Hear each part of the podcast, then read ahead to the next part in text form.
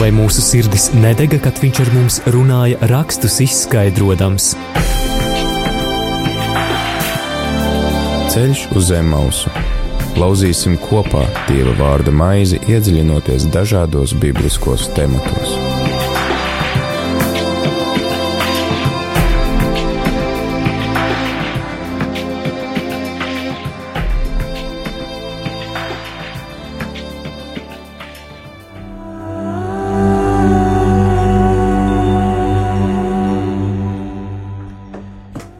Rādījumā arī Latvijas klausītāji ir 5 un 1 minūte 4. 30. janvārī RTV ēterā priesteris Pēteris Skudra.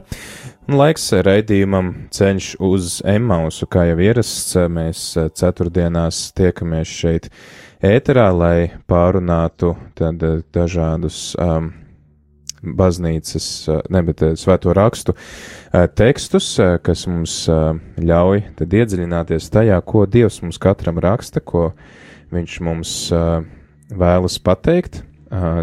Atceramies arī to, ka pagājušo svētdienu svinējām Dieva vārda svētdienu, kuru mums pāvests Francisks dāvā arī kā tādu dāvanu, kurā mēs varam pārdomāt to, cik svarīgi ir svētie raksti un arī izsludinot šo Dieva vārdu svētdienu, viņš raksta par to, ka visi raksti runā par Kristu un nepazīt rakstus nozīmē nepazīt Kristu. Tāpēc arī mums ir šis raidījums ceļš uz Zemausu, kurā mēs ieklausāmies Dieva vārdā, ieklausāmies tajā, ko mēs viens otrā arī, kā mēs katrs saprotam šo tekstu un mēģinam saprast, ko šie autori mums vēlās pateikt un ko pāri visam Dievs mums vēlas pateikt caur šiem tekstiem. Šodien turpinām lasīt pirmo mūzus grāmatu, esam tikuši līdz 41. nodaļai. Pagājušajā nedēļā mēs pārunājām to, kā Jāzeps izkļūst no cietuma. Tas bija 41. nodaļas sākumā, kad jā, faraons redz šos savādos sapņus par lielām govīm, kas nāk no Nīlas ārā, un tad par kārnām govīm, kas nāk no Nīlas ārā, un apētās traknās lielās govis, un tāpat arī aug šīs te uh, lielās vārpas, un pēc tam ir kādas uh, tādas nabadzīgas, trūcīgas vārpas, kas apēta tās traknās vārpas, un Jāzeps ir tas, kurš šos sapņus izskaidro. Šodien uh, turpināsim lasīt 41. nodaļu no 37. panta līdz beigām. Aicinu arī tevi, klausītāji, tad uh, sameklēt, uh, sameklēt uh, tavu bībeli vai arī sameklēt kādu aplikāciju telefonā vai arī atvērt vienkārši mājaslapu, kas saucās bībele.lv un sameklēt pirmo mūzus grāmatu, 41. nodaļu, sākot ar 37. pāntu. Un šodien, kā jau ierasts arī šajā raidījumā, es neesmu viens pats kopā ar mums ir arī tad, tepat kaimiņš, ja tā var teikt, no Rīgas Svētā Alberta draudzes, brālis Jānis. Labvakar, miers jums visiem! Paldies! Prieks dzirdēt arī tavu balsi. Man liekas, ka mēs tevi šeit ēterā dzirdējām pirms gada, laikam, kad tu aizstāvēji savu bakalauro, kad tu kļūpi par diekonu. Mm, tas bija nesaistīts ne ar ko. Vienkārši es pastāstīju par savu maģistra darbu, kurā jā, rakstīju darbu, par jā. tēvu Andreju Kapucīnu. Un tad nedaudz iepazīstināju klausītājus ar savām pārdomām vai savu pētījumu par viņu. Mm -hmm.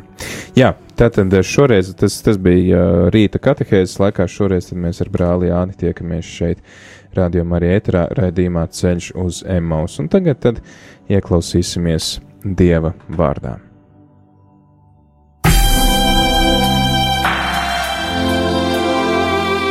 Vai mūsu sirdis nedega, kad viņš ar mums runāja, rakstus izskaidrojams? Ceļš uz zem mausu. Lauzīsim kopā Dieva vārda maizi, iedziļinoties dažādos bibliskos tematos.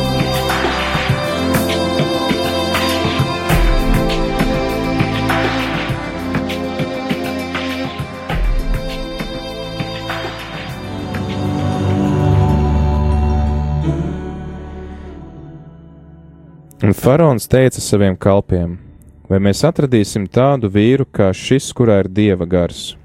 Un faraons teica Jāzepam: Tā kā Dievs licis tev visu šo zināt, tad nav saprātīgāka un gudrāka par tevi. Tu pāraudzīsi manu namu, un pēc tavas pavēles gatavos krājumus visa mana tauta pēc troņa, tikai es būšu lielāks par tevi. Un faraons teica Jāzepam: Redzi, es tevi esmu iecēlis pār visu Eģiptes zemi. Faraons noņēma no rokas savu zīmo gradzenu un uzvilka to pirkstā Jāzepam.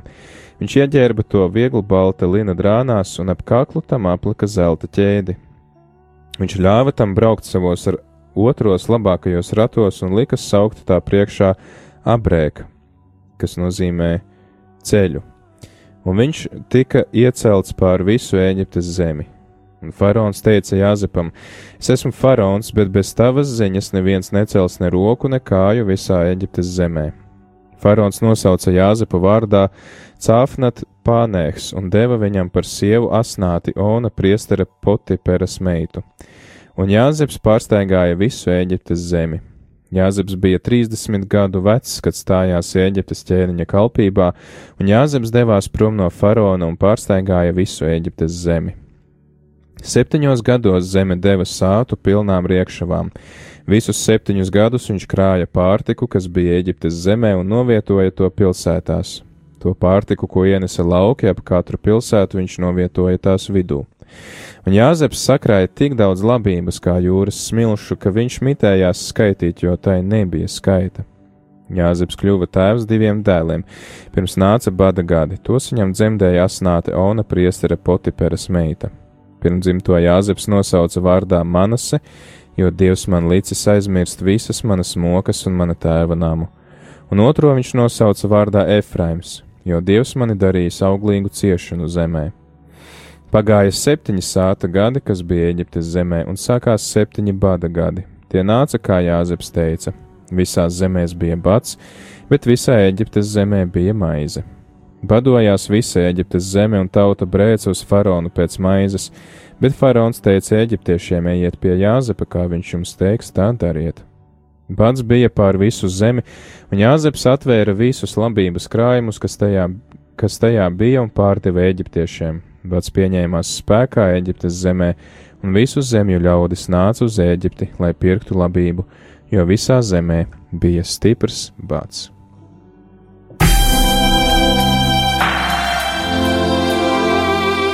Vai mūsu sirdis nedega, kad viņš ar mums runāja, rakstus izskaidrojams. Ceļš uz zemes mausu. Lauzīsim kopā Dieva vārda maizi, iedziļinoties dažādos bibliskos tematos.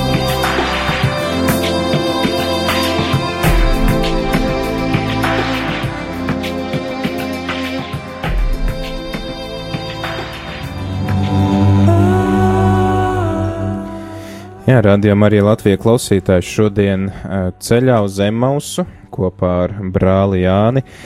Pārunājam pirmās mūzes grāmatas 41. nodaļas beigas, kur Jāzeps kļūst par Ēģiptes pārvaldnieku. Faktiski otra tik ietekmīga persona vairs visā Eģiptē nav atrodama, kā vien tikai pats faraons, kurš ir mazliet augstākā amatā par Jāzepu, bet mēs redzam, ka tas reālais, reālais viss darbs un, un, un reālā tā ietekme uz procesiem Eģiptes zemē ir tieši viņam, un pārsteidzoši strauji notiek šī augšupēja vēl. Pagājušo nedēļu mēs runājām par to, kā viņš atdod sevi uh, nu, dieva un arī šī faraona rokās, izskaidrojams viņam faraonas sapni un arī reizē dodams, tad kā vajadzētu rīkoties, lai uh, pasargātu sevi no šiem bada gadiem, un uh, viņš jau vēl, kad viņš to dara, viņš jau vēl nezina to, vai viņu ieliks atpakaļ cietumā, vai viņam ļaus būt uz brīvām kājām.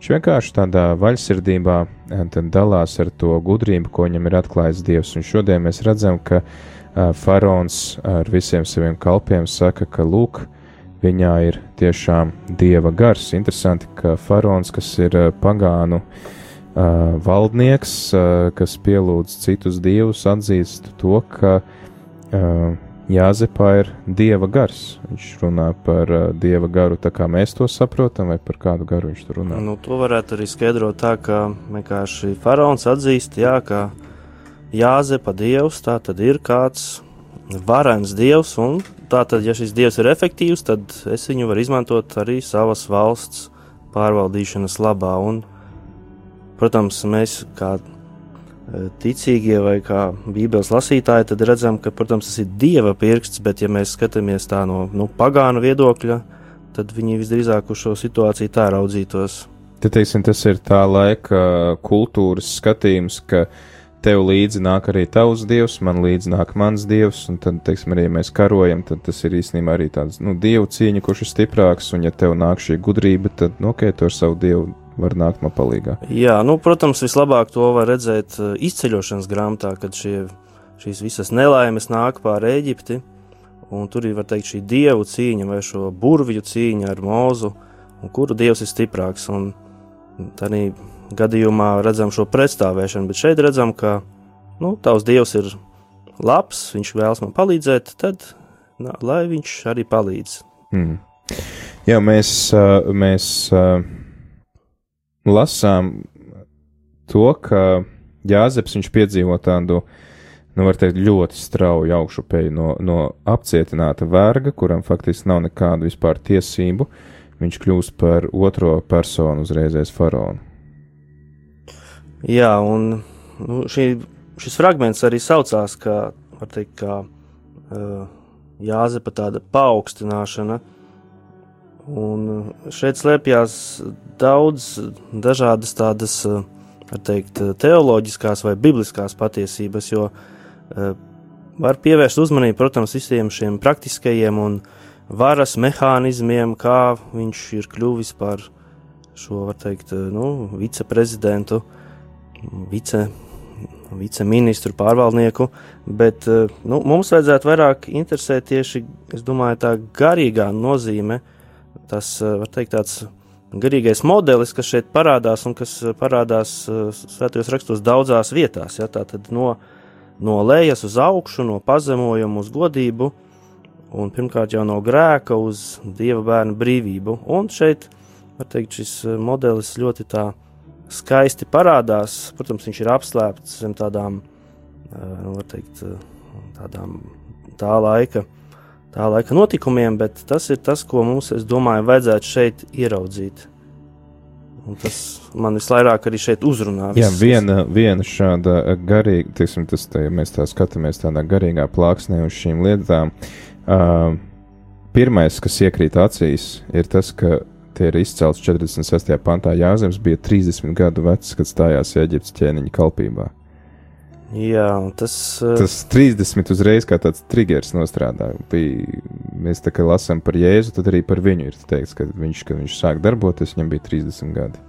Nu, tas ir viens uh, no tādiem punktiem, jo nu, sākot jau ar baznīcas tēviem, uh, tad ir tāds viens baznīcas tēvs, kā uh, Kvodvultu Deus un Svētais Ambrozijs, un tad viņi jau sāk šo jautājumu pārdomāt. Tātad Jēzus notikumi, Jēzus dzīve, Jēzus ciešanas, nāve un augšām celšanās un Jāzepa dzīve. Un ja mēs lasām 37. līdz 50. nodaļai, tad uh, kaut ko līdzīgu var izdarīt, tā kā salīdzināt šos Jēzus ciešanu aprakstus ar Jāzepu, bet nu, tas ir tāds plašāks jautājums.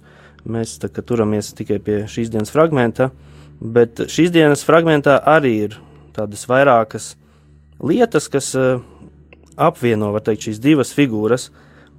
Tātad šie 30 gadi, tas ir tas pirmais, ko var pamanīt, bet arī tādas lietas, kā piemēram, tātad viņš tika paaugstināts Eģiptē. Un vēstulē Filipiešiem mēs lasām, ka Dievs viņu paaugstināja un deva viņam vārdu, un arī Jāzepam šeit tiek dots jauns vārds, nu, pagānu vārds, bet tā tad tiek dots jauns vārds.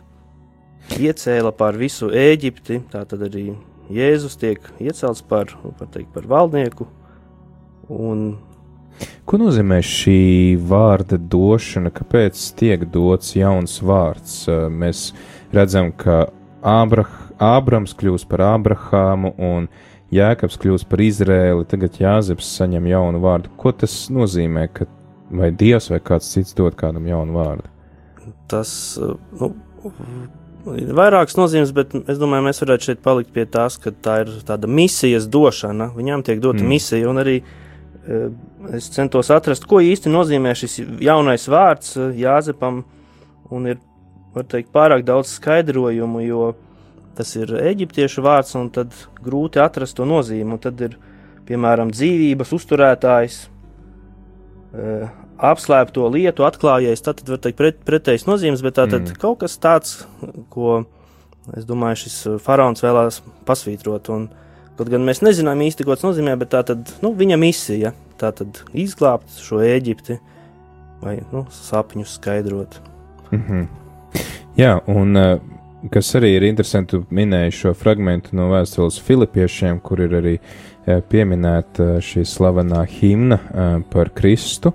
Ka viņš dieva veidā būdams neuzskatīja par laupījumu līdzināties dievam, bet viņš tad, ir tad arī tāds sarežģīts teoloģisks vārds kenozija, ka viņš tad iztukšoja visu, viņš atteicās no visa, lai kļūtu visu kalps, un ka viņš pēc tam ir saņēmis atkal šo paaugstināšanu. Līdzīgi tiešām mēs redzam, ka Jāzeps tam visam iziet cauri.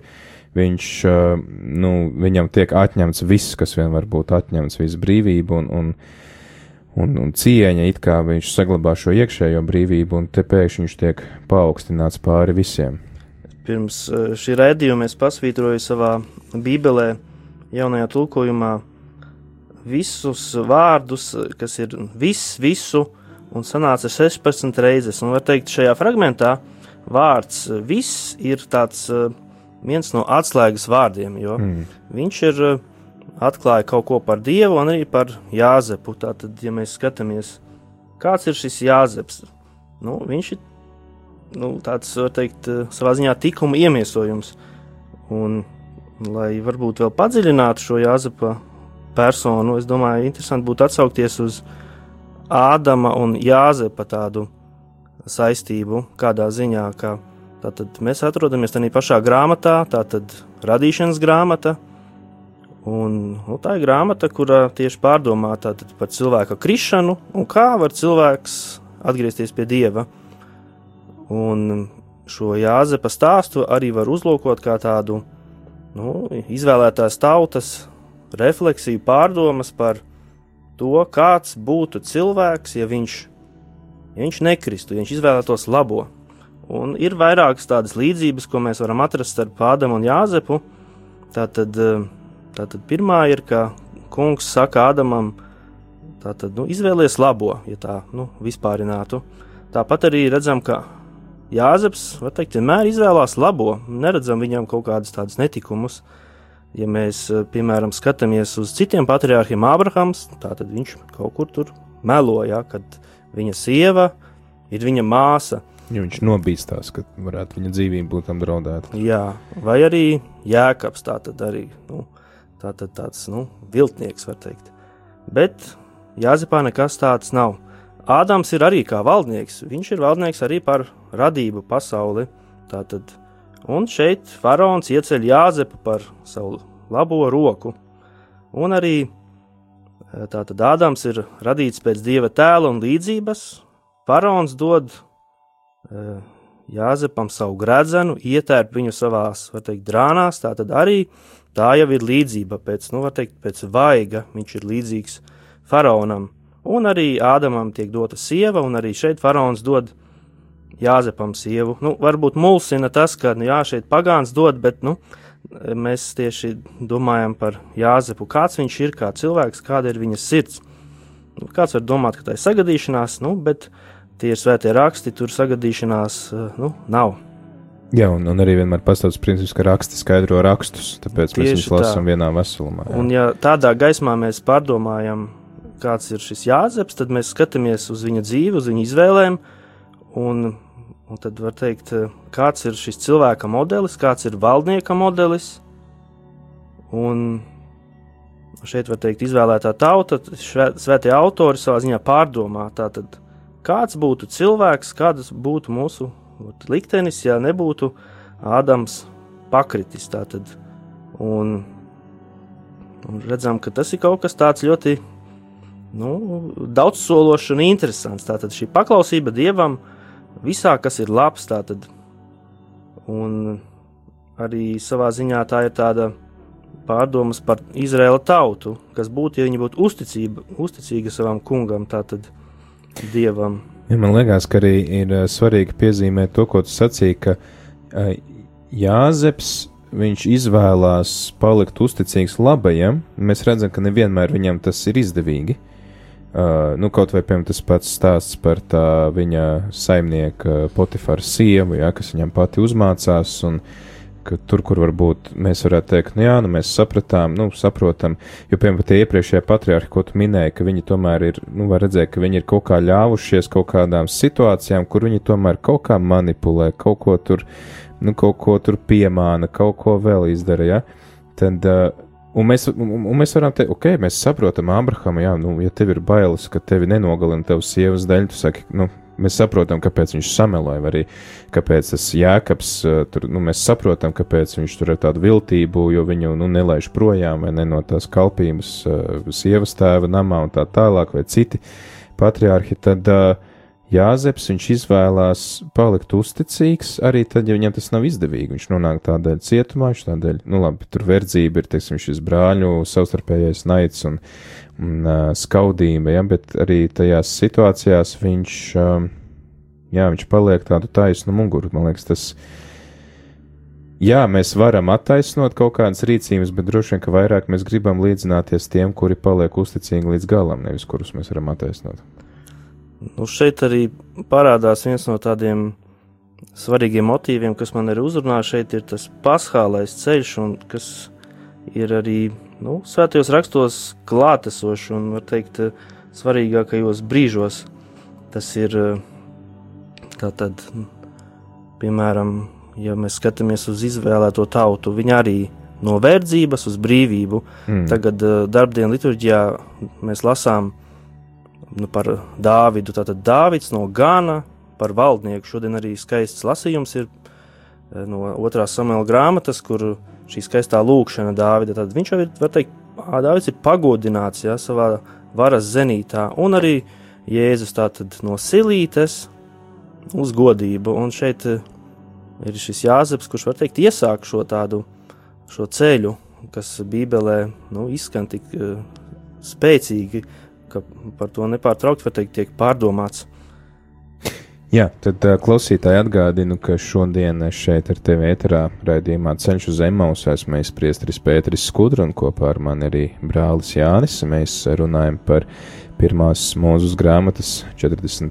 nodaļas 37. līdz 57. pantu, par to, kā Jāzeps izgājis cauri uh, ne tām vieglākajām lietām un, un nodevībai un tuvu cilvēku nodevībai, citu naidam, izgājis cauri dažādiem pazemojumiem, tagad piedzīvo tādu, var teikt, augšām celšanos, un brālis Jānis arī pieminēja to, ka mēs te varam redzēt paralēlis ar Ādamu, un ka Jāzeps tā kā parāda, kas, kādu tad rīcību Dievs būtu sagaidījis no katra no mums, ja arī nebūtu šīs grēkā krišanas, un tad arī mēs šīs paralēlis varam vilkt ar Kristu, bet par šīm paralēlēm ar Jēzu Kristu tad runāsim pēc dziesmas.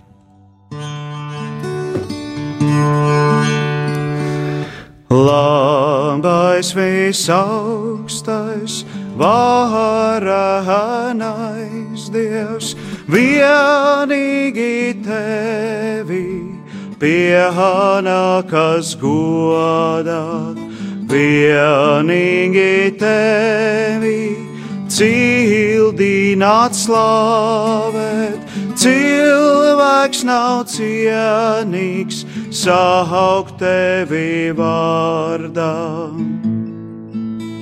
Slāvā tev, Dievs, par māsu saulī, dienu, kas atnes gaismu mums dāvā. Slāvā tev, Dievs! par mēnesi brāli, par māsām, debesu zvaigznēm, kuras tu esi rādījis požas, vienmēr tik skaidras, vienmēr tik skaistas. Slāva tev, Dievs, par brālību, par labu laiku, negaisu lietu Slāvā tev, Dievs, par ūdeni brāli, kas ir tik tīrs, pazemīgs un derīgs, pārlīgsmo stipro uguni māsu, ar kuru tu mums apgaismo naktis. Slāvā tev, Dievs, par māti zemi, uztur tā mūs dod augļus un ziedus. Slāvā tev, Dievs, par visiem, kas piedod, visiem, kas pacieš slimības bādas Svētīgi tie, kas mieru nes un sargā, jo tu visaugstais viņus vainagosi. Slāvā tev, Dievs, par māsu nāvi, visus tā paņem pēc šīs zemes dzīves. Lambais visaugstais, varenais Dievs, vienīgi tevi pienākas godāt, vienīgi tevi cildināt, slavēt. Cilvēks nav cienīgs saukt tevi vārdā. Slāvā tev, Dievs, par māsu saulī, dienu, kas atnes gaismu mums dāvā.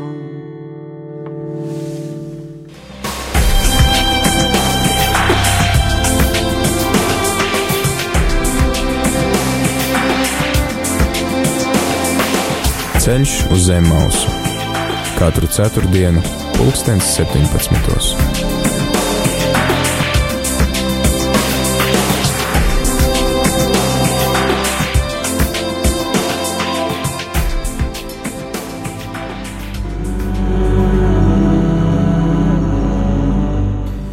Atgriežamies ēterā ar raidījumu Ceļš uz Zemausu. Esmu es priesteris Pēteris Skudru un arī brālis Jānis, ar kuru kopā mēs pārunājam tad, radīšanas grāmatas 41. nodaļu, to, kā Jāzeps kļūst par Eģiptes pārvaldnieku, viņš kļūst par otro cilvēku aiz faraona, un mēs arī lasām to, ka mēs arī aizkadrā pārunājām, ka Jāzeps viņš spēja, ja mēs arī palasīsim tālāk, nākamajās uh, nodaļās, mēs redzēsim, ka viņš paliek joprojām tādu pazemīgu stāju. Un, man liekas, tas ir uh, Bartelemī, kurš savā grāmatā Dievs un tā tēls runā par to, ka iespējams, ka Jāzepam ir jāaiziet iepriekš visām cauri tām grūtībām un ciešanām un sāpēm, lai būtu gatavs šai misijai, ka tad, kad viņš būs tajā slavas zenītā, viņš joprojām būtu tādā kalpa nostājā, nevis ka, o, tagad es tā esmu kaut kas jauns, tagad rūpēšos par sevi un savu ģimeni.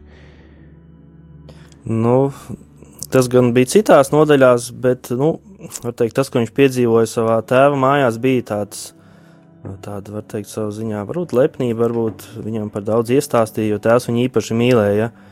Un tad viņam nākošo dzīves posmu vajadzēja pārstrādāt visu šo, ko viņš, nu, var teikt, sadomājās mājās. Un šeit jau mēs viņu ieraugām tādu cilvēku, kas jau ir daudz ko pārdomājis, sapratis, piedzīvojis, var teikt, šo tādu nu, ceļu no kaut kādas no viltus, no kādiem māņiem uz tādu nu, uz patiesību. Tiesam arī tad mēs varētu runāt par vienkārši nobriedušu personu, kas, kas mums šajā nodaļā darbojās. Un tur iepriekš pirms dziesmas minēja tādu sarežģītu vārdu, ka mēs varam šos Jāzepa notikumus skatīt paschālā gaismā. Ko tas nozīmē? Tas nozīmē, nu, pirmkārt jau, e, kā jau es teicu, Tas ir, kad tātad, Izraels ceļo ārā no Eģiptes un piedzīvo šo tātad, no nebrīves uz brīvību.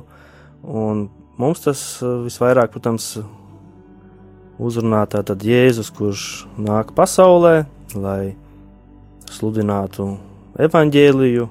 Viņš tiek atmests, tiek notiesāts, mocīts, nogalināts, mirst dēļ mūsu grēkiem un augšām ceļas. Tātad šis ceļš, un kaut kas līdzīgs arī šeit ir. Un še, šodien mēs nu, jā, pārdomājam šo jau pa, pagodināšanu savā veidā, ko šeit mēs redzam Jāzepa personā. Un arī, kā teicu, šodien liturģijā arī Dāvids, var teikt, tā, tāds prieka pilns lūdzās, tiek pagodināts. Arī viņš piedzīvo kaut ko līdzīgu, no kaut kā maza uz kaut ko lielu un cēlu.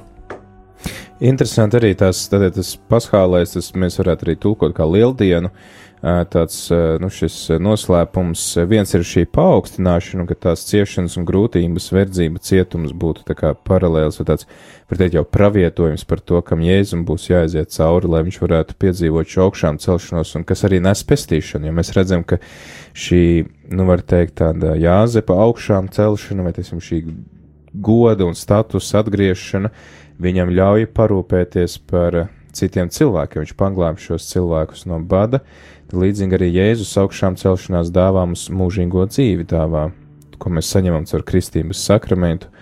Un kas tad arī ir interesanti, ka Jāzeps pēc šīs augšām celšanas viņš nesēž kaut kur tronī, bet arī iepriekš uz, uzsver, ka 16 reizes ir minēts šis vārds viss, viss, ka viņš pārsteigāja visu zemi. Un arī mēs par Jēzu lasām, ka viņš pārsteigāja visu zemi, sludinādams evaņģēliju, sludinādams labo vēsti, uh, Tad vēl tāda paralēla arī ir par šo maizi, ka visus bada gadus Eģiptē ir, ir stiprs bads, bet viņiem, viņi necieš badu, jo viņiem ir šie, šie krājumi. Un tad, kad cilvēki nāk pie faraona, faraons saka, ejiet pie Jāzepa, kā viņš jums teiks, tā dariet. Un tas man atgādina, piemēram, Mariju, kas saka, dariet visu, ko viņš jums liks. Ja?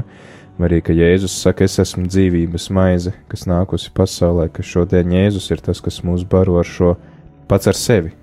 Nevis ar maizi kaut kādu, kas pāriet, bet baro pats ar sevi. Tad arī tādas ļoti daudzas līdzības ar. Nu, baznīcas tēviem tas uh, bija svarīgi, viņi to ievēroja, un arī jā, viņi uzsvēra tieši šī līdzība, tātad, ka Jāzeps krāja šo maizi, un Jēzus ir tas, kas saka, es esmu dzīvības maize, neviens nebūs izsaltis, kas nāks pie manis. Mm. Un arī par šo uh, teikt, par šo sludināšanu. Ja es saku mācekļiem, ejiet, sludiniet visām tautām, un ja Jāzeps arī baroja visas tautas, jo, kad bats iestājās, var teikt, ja mēs tā domājam, kā senie cilvēki visā pasaulē, tad arī redzam, Jēzus tā tad arī baro visas tautas. Viņš baro viņus ar savu vārdu un ar savu miesu. Mm. Un tas ir nu, šī līdzība, šis, teikt, šis tāds pravietojums par to, kas būs, var teikt, nākotnē. Bet interesants ir arī tāds eh, starposms starp eh, Jāzepu un Jēzu. Un ir tāda Daniela grāmata, otrā nodaļa, un, ja lasa šo nodaļu un lasa. Viņš arī skaidro sapņus valnēkā. Jā, un ir tā, ka, var teikt, Daniels ir savā ziņā jaunāks, jaunais un uzlabotais Jāzeps. Vēl, vēl līdz Jēzum ir ceļš jānoiet. Uh, Un šajā, no, šajā Daniela otrajā nodaļā un Jāzepa stāstā 41. nodaļā, 1. mūža grāmatā ir teikt, 18 līdzības. Un, kā jau teicu, kad Jāzeps ir savā ziņā tāds tādas tā, Izra, Izraēla tautas pārdomas, kāds būtu Ādams un kāds būtu tautas liktenis, ja nebūtu Ādams kritis, tad mēs šajā Daniela grāmatā skatāmies, kāds ir Daniels, viņš var teikt, ir, viņš ir tieši, ja mēs skatāmies šīs dienas šos fragmentus, tad tad šī sakritība ir tāda, tātad, ka valdnieks ir apmierināts arī ar Daniela šo uh, interpretāciju un arī ieceļ viņu par val, nu, tādu teikt, pārvaldnieku. Un, tātad, kāds ir Daniels? Viņš ir labāks sapņu skaidrotājs, viņš ir dievbijīgāks. Jo interesanti ir tas, ka Jāzeps nekad nelūdz dievu. Ja mēs to neizlasīsim svētajos rakstos, viņš runā par dievu, bet nekad nerunā ar dievu. Un Daniels jau to dara. Daniels ir teikt, tāds nu, teikt, tuvāk jau teikt, Jēzum. Un arī Daniels ir tāds, var teikt, dumpīgāks. Viņš saka, ka tā nu, Nabuhodonozara valsts ies bojā, ja? bet šeit redzam, ka Jāzeps ir tas, kas principā nu, asimilējās, pieņem to visu kultūru, visu, ko viņam piedāvā, ieiet visā tajā eh, valstī. Nu, vēlākiem jūdiem varbūt tas nebija pieņemams, ja, kā tā var, mēs šeit esam tādi izredzētie. Jā, un te, kā kāds no mūsu patriārhiem ir tā iegājis kādā svešā kultūrā, tāpēc var teikt, šis eh, Daniels ir kā tāda vēlākā atbilde jūdiem, jūdu atbilde, ja, ka tomēr nu, kaut kas tādā jāzepā ir aizdomīgs tāds. Tāpēc, nu, tā, var teikt, šis starposms vēl Jēzus, nu, var teikt, ir iziet caur tādu filtru cauri, ja mēs tā skatāmies no tādas perspektīvas. Bet uh, tu mini to, ka Tad tā varētu būt atbilde, Jāzeps varētu būt atbilde Ādamam, un Daniels varētu būt atbilde Jāzepam, bet tie taču nav izdomāti stāsti. Nu, Ādams, Ādams kā, tas ir cits jautājums, bet nu, Ādams tas ir, tas ir stāsts par mums, jā. Bet, nu, Jāzeps, nu, ir dažādas teorijas, bet pieņem, ka tomēr patriārhi kā personas ir pastāvējušas. Mm. Un tā kā arī jā, katoļu baznīcas katehizmā par to tiek rakstīts, ja, kā par reālām personām, un tad to mēs nu, pieņemam, ka tādas ir bijušas. Protams, tas, ko mēs runājam, tas jau ir tāds, tāda apcere, ja, tā tad svēto autoru apcere par to, par šīm personām, un, protams, visi šie notikumi varbūt ir savādāk uh, pasniegti un izkrāšņoti, vai arī kaut kas noklusēts, bet nu, mēs pieņemam, ka tās ir reālas personas. Jā, es vienkārši šo jautājumu uzdevu, jo mēs uh, nu, skaidrojam šos rakstus tādā nu, bibliskā gaisotnē, kā es minēju, sākumā, raksti skaidro rakstus, ja mēs savelkam. Tad uh, viens personāžs varētu būt kā tāds paskaidrojums par otru personāžu, un tas viss liecina par Kristu. Um, Bet arī mums ir svarīgi, kā Bībeles lasītājiem, zināt to, ka um, šo autoru mērķis nebija pierakstīt precīzu vēsturi, bet vienmēr šie autori uh, tad, uh, vēstures notikumus skatīja, var teikt, no tādas teoloģiskas perspektīvas, un tas ir arī īstenībā tas princips, kas ir jāņem vērā lasot evaņģēlijas, jo mēs varam teikt, ka, hei, ir četri evaņģēlisti, kas pieraksta viena cilvēka dzīvi, bet viņi diezgan pamatīgi atšķirās tur atsevišķos punktos, ja? Tad uh, mums ir jāsaprot to, ka tā laika cilvēks, viņš nav izdomājis kādus notikumus, mēs varam ticēt, ka tas ir bijis, bet tāpat laikā mums ir jāsaprot, ka viņš savu šo nu, teoloģi, šo vēstures faktu ir pakārtojis tai teoloģiskai domai, ko viņš ir vēlējies izteikt reizē arī tomēr nemelojot mums, vai nemēģinot tagad kaut ko izpušķot, vai, vai vēl kaut kā apmānīt mūs. Nu, ja kāds vēlās, piemēram, izlasīt īsāk šo stāstu, tad viņš var paņemt gudrības grāmatu, desmito nodaļu no 13. līdz 14. pantam. Ja? Un tur arī var teikt, dažos teikumos pastāstīts arī tāda teoloģiskā doma, tur ir tāda vēsture no Ādama līdz Mozum. Ja? Vai arī pieņemsim 105. psalmu no 17. līdz 12. pantam. Tur arī ir, var teikt, dažos teikumos arī pateikta kaut kāda teoloģiskā vai garīgā patiesība. Tā kā, var teikt, ja mēs uh, skatāmies, cik vietās svētajos rakstos ir aprakstīta šī, šis notikums, tad sanāk trīs vietās. Uh, tā 105. Kā, psalms, jā, gudrības grāmatas, desmitā, desmitā nodaļa, nodaļa un, un uh, šī vieta, ko mēs šodien lasām. Tādā ziņā, šīs, un tas, ka katrā katrā no šīm grāmatām mēs atrastu kādu citu, varbūt vēsti teoloģisko, kādu, kaut kādu citu aspektu. Tas ir kā man patīk viena biblista tāds salīdzinājums par evaņģēliem, un šeit kaut ko līdzīgu varētu teikt, kā ir, viņš raksta, kad ir Čērčila bilde, Čērčils ir Winstons Čērčils, tātad Anglijas premjerministrs, vienā bildē viņš ir ar ģimeni, vienā bildē viņš kaut kur ir kara laukā, vienā bildē viņš ir mājās pie kamīna, Un vai šīs bildes ir nepatiesas? Nē, šīs bildes ir visas patiesas. Tikai ir šis Čērčils parādīts kādā citā gaismā. Mm. Ja? Kaut kas līdzīgs ir ar evaņģēlījiem, ka ir tas, var teikt, nu, lai būtu viena persona Kristus, bet viņš ir parādīts kaut kā no citas, no citas perspektīvas, bet tas ir tas pats Kristus, un līdzīgi šeit, pieņemsim, ir šie, šīs trīs vietas svētajos rakstos, nu, ja kāds, pieņemsim, negrib lasīt šo vienu, var teikt, A4 lapu, viņš paņem 105. psalmu un dažas šīs rindiņas nolasa tur Jā. Tas... Jā, ne par velti arī tāpēc pašā arī radīšanas grāmatā ir stāsts, kas atkārtojas vairākas reizes Ābrahams Eģiptē, vai arī šeit mēs pēc tam uh, 40, tagad, jā, 46. Nu, 47. nodaļā atkal ir tas pats stāsts par badu Eģiptē, tikai daudz koncentrētāk, vai tie paši radīšanas stāsts. Mums ir divi, tātad svēto raksta autori ar dažādiem veidiem, kā tiek atstāstīts viens, viens un tas pats, parāda dažādas perspektīvas, kā uz šiem notikumiem skatīties.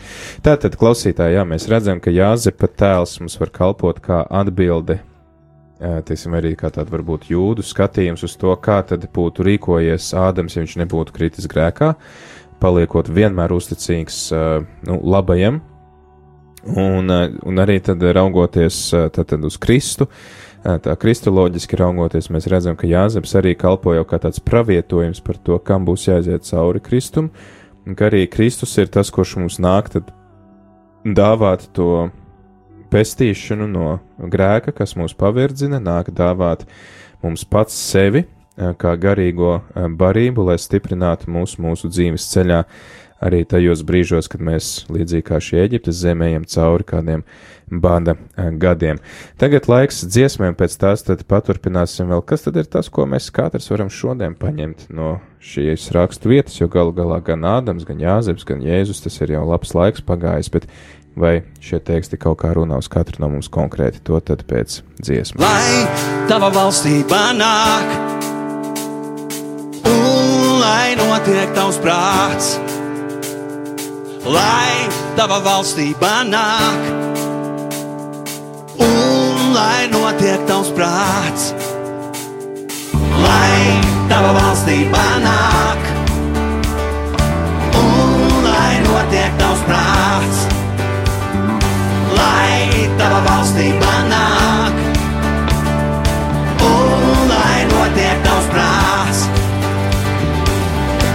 tava tauta dejo, tavi ļaudis gavilē, lai plīvo vareni tavs karoks pāri visai pasaulē.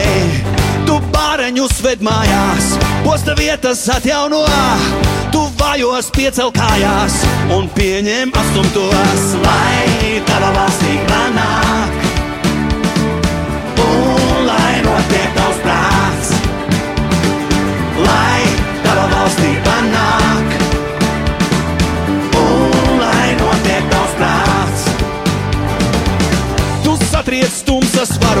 bažas kaltos atbrīvo, ar savu svēto garu mūs visus apvieno.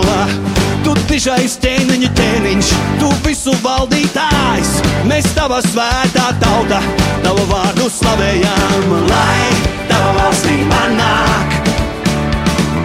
Un lai notiek tavs prāts, lai tava valstība nāk.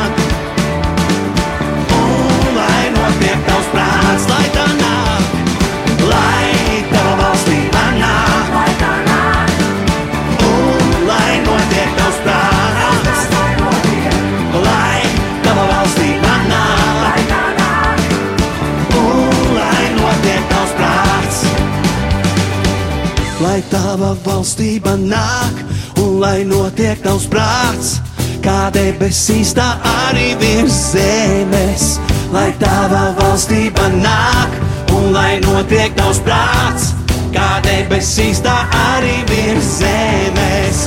Lai tava valstība nāk un lai notiek tavs prāts, kā debesīs tā arī virs zemes. Lai tava valstība nāk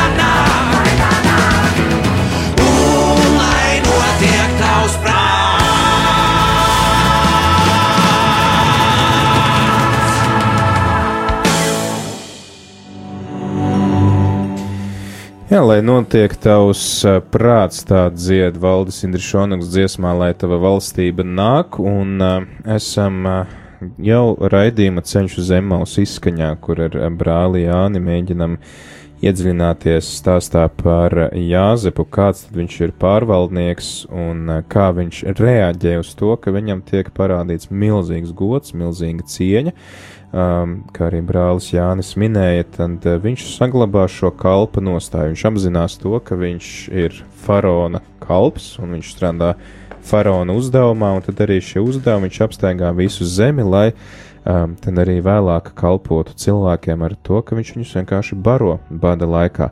Um, bet, uh, jā, noslēdzot šo raidījumu, brāl Jāni, kāds būtu tavs ieteikums, teiksim, mēs 21. gadsimta latvieši, kā mēs varam skatīties uz šiem notikumiem, kas, protams, ka katrs, es neatceros, kurš no baznīcas tēviem sacīja, ka svētio, svētiem rakstiem ir tik daudz aspektu, cik lasītāju, bet eh, kas varētu būt varbūt kaut kāda kopējā tā perspektīva, uz kuru mēs varam raudzīties? Nu, kā jau visā šajā stāstā par Jāzepu ir šī klātesoša šī dieva apredzība, ka ka dievam ir kāds plāns, un šim plānam jābūt uzticīgam. Protams, mēs to plānu nezinām. Un, bet mēs, protams, lasām kaut kādas zīmes un kaut kā, nu, var teikt, atpazīstam dieva gribu savā dzīvē, kāda viņam būtu. Un tad šis nu, aicinājums no šī fragmenta ir tāds, ka Tātad par spīti dažādiem, nu, var teikt, eh, cilvēku ļauniem nodomiem, dažādiem notikumiem, šiem septiņiem bada gadiem. Un, eh, var teikt, eh, nu, ja mēs skatāmies uz apredzību un šiem septiņiem bada gadiem, tātad, ka dzīvē notiek vienkārši tādas lietas, ko Jāzeps spēja, var teikt, paredzēt. Lietas, tātad, ka būs sliktas lietas, ja, to mēs visi spējam paredzēt.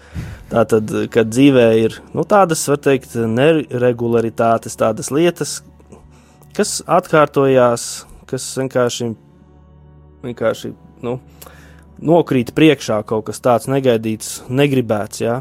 Un Jāzeps ir gudrs, un viņš, var teikt, ja mēs pat uh, šos sapņus aizmirstam, ko viņš spēja skaidrot, tad mēs uh, atstājam vienkārši Jāzepu kā gudru cilvēku. Viņš spēja tā tad. Uh, nu, vienkārši paredzēt, ka būs kaut kas slikts, jo viņš savā dzīvē pieredzējis jau kaut ko tādu, ka viņa brāļi vienkārši viņu pārdod verdzībā. Nu, un šeit arī vienkārši tā tad ir dzīvē, tagad ir labais posms, manā dzīvē tagad ir labs posms. Tas nozīmē, ka kaut kas var kaut kas sa saļodzīties. Un, un šeit atkal ir jāņem visi šie teikt, tikumi, ko mēs varam redzēt pie Jāzepa. Tas tā tad ir šis, šī pazemība. Nu, šajā gadījumā viņš nekrājas sev, tā, tad, nu, tā ir tāda kalpošanas stāja. Eh, tā ir šī gudrība, spēja, var teikt, nu, pārvaldīt savu dzīvi, redzēt savu dzīvi kaut kādā plašākā kontekstā, nu, skatīties uz savu dzīves vēsturi, uzticēties kungam, izmantot to, kas ir šis, var teikt, pārpilnība, pārpalikums, kas man ir tagad, jo būs kaut kādi arī šie sausie gadi. Teikt, nu, ja mēs skatāmies pat uz šo garīgo dzīvi, tad būs sausie gadi, vai, mm. kaut, vai būs vienkārši finansiāli kaut kas, tad ir kā es šo dzīvi pārvaldu, kā es viņu, var teikt, tālāk. Tad tas varētu būt arī tāds aicinājums, eh, viens tātad raudzīties uz lietām no tādas dieva perspektīvas, eh, varbūt nevienmēr, pat ja arī rodās šis jautājums, Dievs, kāpēc, ja vienmēr paļaujoties uz to, ka Dievs zina, kāpēc, no otras puses arī liekot lietā visas praktiskās zināšanas, ka ja reiz man ir, piemēram, nu, dots varbūt uh, paredzēt, ka būs krīze, tad arī kaut ko iekrāt, lai tos krīzes gadus arī var izturēt un uh, pārdzīvot, un uh, tajā visā vēl arī dalīties ar citiem. Nu, par to iekrāšanu tas, protams, tāds interesants jautājums, bet kas varbūt šeit ir tāds uh, savā ziņā nepatīkams, es domāju, ir solījums. Tātad, jo šeit atkal parādās šis svarīgais Bībeles uh, jēdziens, tātad šī patiesība, ka Dievs kaut ko sola. Mm. Šajā pašā grāmatā Abrahamam Dievs solīja, ka tev būs pēcnācēji, kā, teikt, kā zvaigznes, ja, un, un caur viņiem nāks svētība. Un savā ziņā šeit piepildās arī šie solījumi, jo viņš tā tad pabaro visas tautas, un tā tad mm. solījums, tātad Dievs mums kaut ko sola. Un mēs, protams, to varam izlasīt eh, svētajos rakstos, šīs solījumus, tātad, nu, ko mēs arī šeit pārdomājam, tātad no, no lejas uz augšu. Un, nu, tā jau ir tāda uzticība un paļāvība uz kungu, jo mēs nezinām, kā tas īstenosies, tātad šis solījums. Jo, ja mēs domājam par Ābrahama šiem solījumiem, mēs parasti domājam nu, par mums, kristiešiem, bet nu, redzam, ka arī jau viņi piepildījās šajā senatnē. Un tas ir varbūt tas grūtākais. Tātad pieņemt, ka palikt uzticīgam kungam, ka viņš mums dod šos solījumus, kurus mēs, nu, mums ir teikt, nu, daudz dažādu solījumu, bet, nu, pieņemsim solījumus, jā, ka, nu, pieņemsim, nu, kāds, pieņemsim, no kalnu svētībām, jā, šie solījumi, tātad, ka viņi īstenosies, un tas ir, uh, jau tāds ticības un cerības jautājums, ka kungs tomēr piepildīs tos vārdus. Mēs nezinām, kad, bet viņi piepildīsies mūsu dzīvē. Pāvils Efeziešiem raksta, ka Dievs paliek vienmēr uzticīgs, viņš nekad nepieviļ. Jā, un arī šajā sakrā ir, es labprāt nolasītu vienu fragmentu no vēstules romiešiem, jo savā ziņā te dažos teikumos ir apkopots viss šis ceļš, ko nogāja Jāzeps, un arī nu, ko nu, noiet visi šie lielie Bībeles varoņi. Un tas ir jā, Roma, Romiešu 5, no 3 līdz 5. Tātad.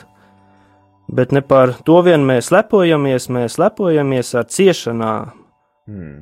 Zinādami, ka ciešanas rada izturību, izturība, uzticību dievam, uzticība dievam, cerību, bet cerība nepamet kaunā, jo Dieva mīlestība caur svēto garu mums ir dota un ielieta mūsu sirdīs. Tātad šis tātad ceļš, tātad ciešanas, izturība, uzticība, cerība. Un, var teikt, svētā gara klātbūtne. Tātad ir kaut kāds ceļš jānoiet, un šeit, šajā nu, fragmentā šis ceļš parādās. Tātad šī apredzība, šie solījumi, un arī šie nu, skaistie, nu, teikt, personiskie tādi tikumi, kuri ļauj, kad šī apredzība un šie solījumi īstenojās manā dzīvē. Jā, es domāju, ka mēs varētu noslēgt ar eh, šo novēlējumu. Paldies! Es domāju, ka arī eh, kurš fragments bija no Vēstures romiešiem? Romiešu 5, 3, 5. Pāns.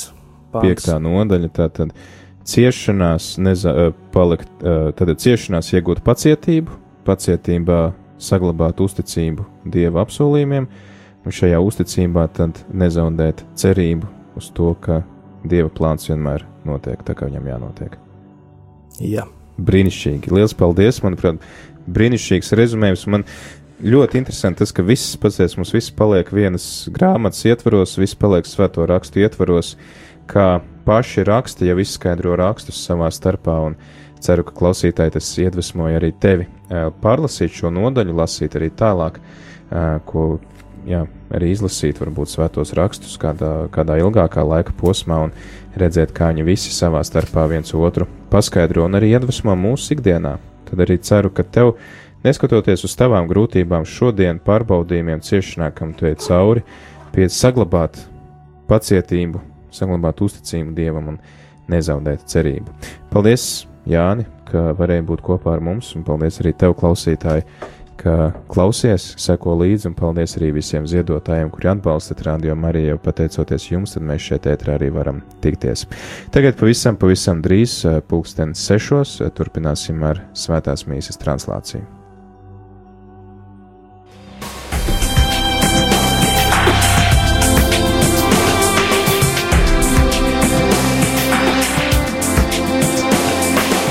Ceļš uz zem mausu katru ceturtdienu, pulkstens 17.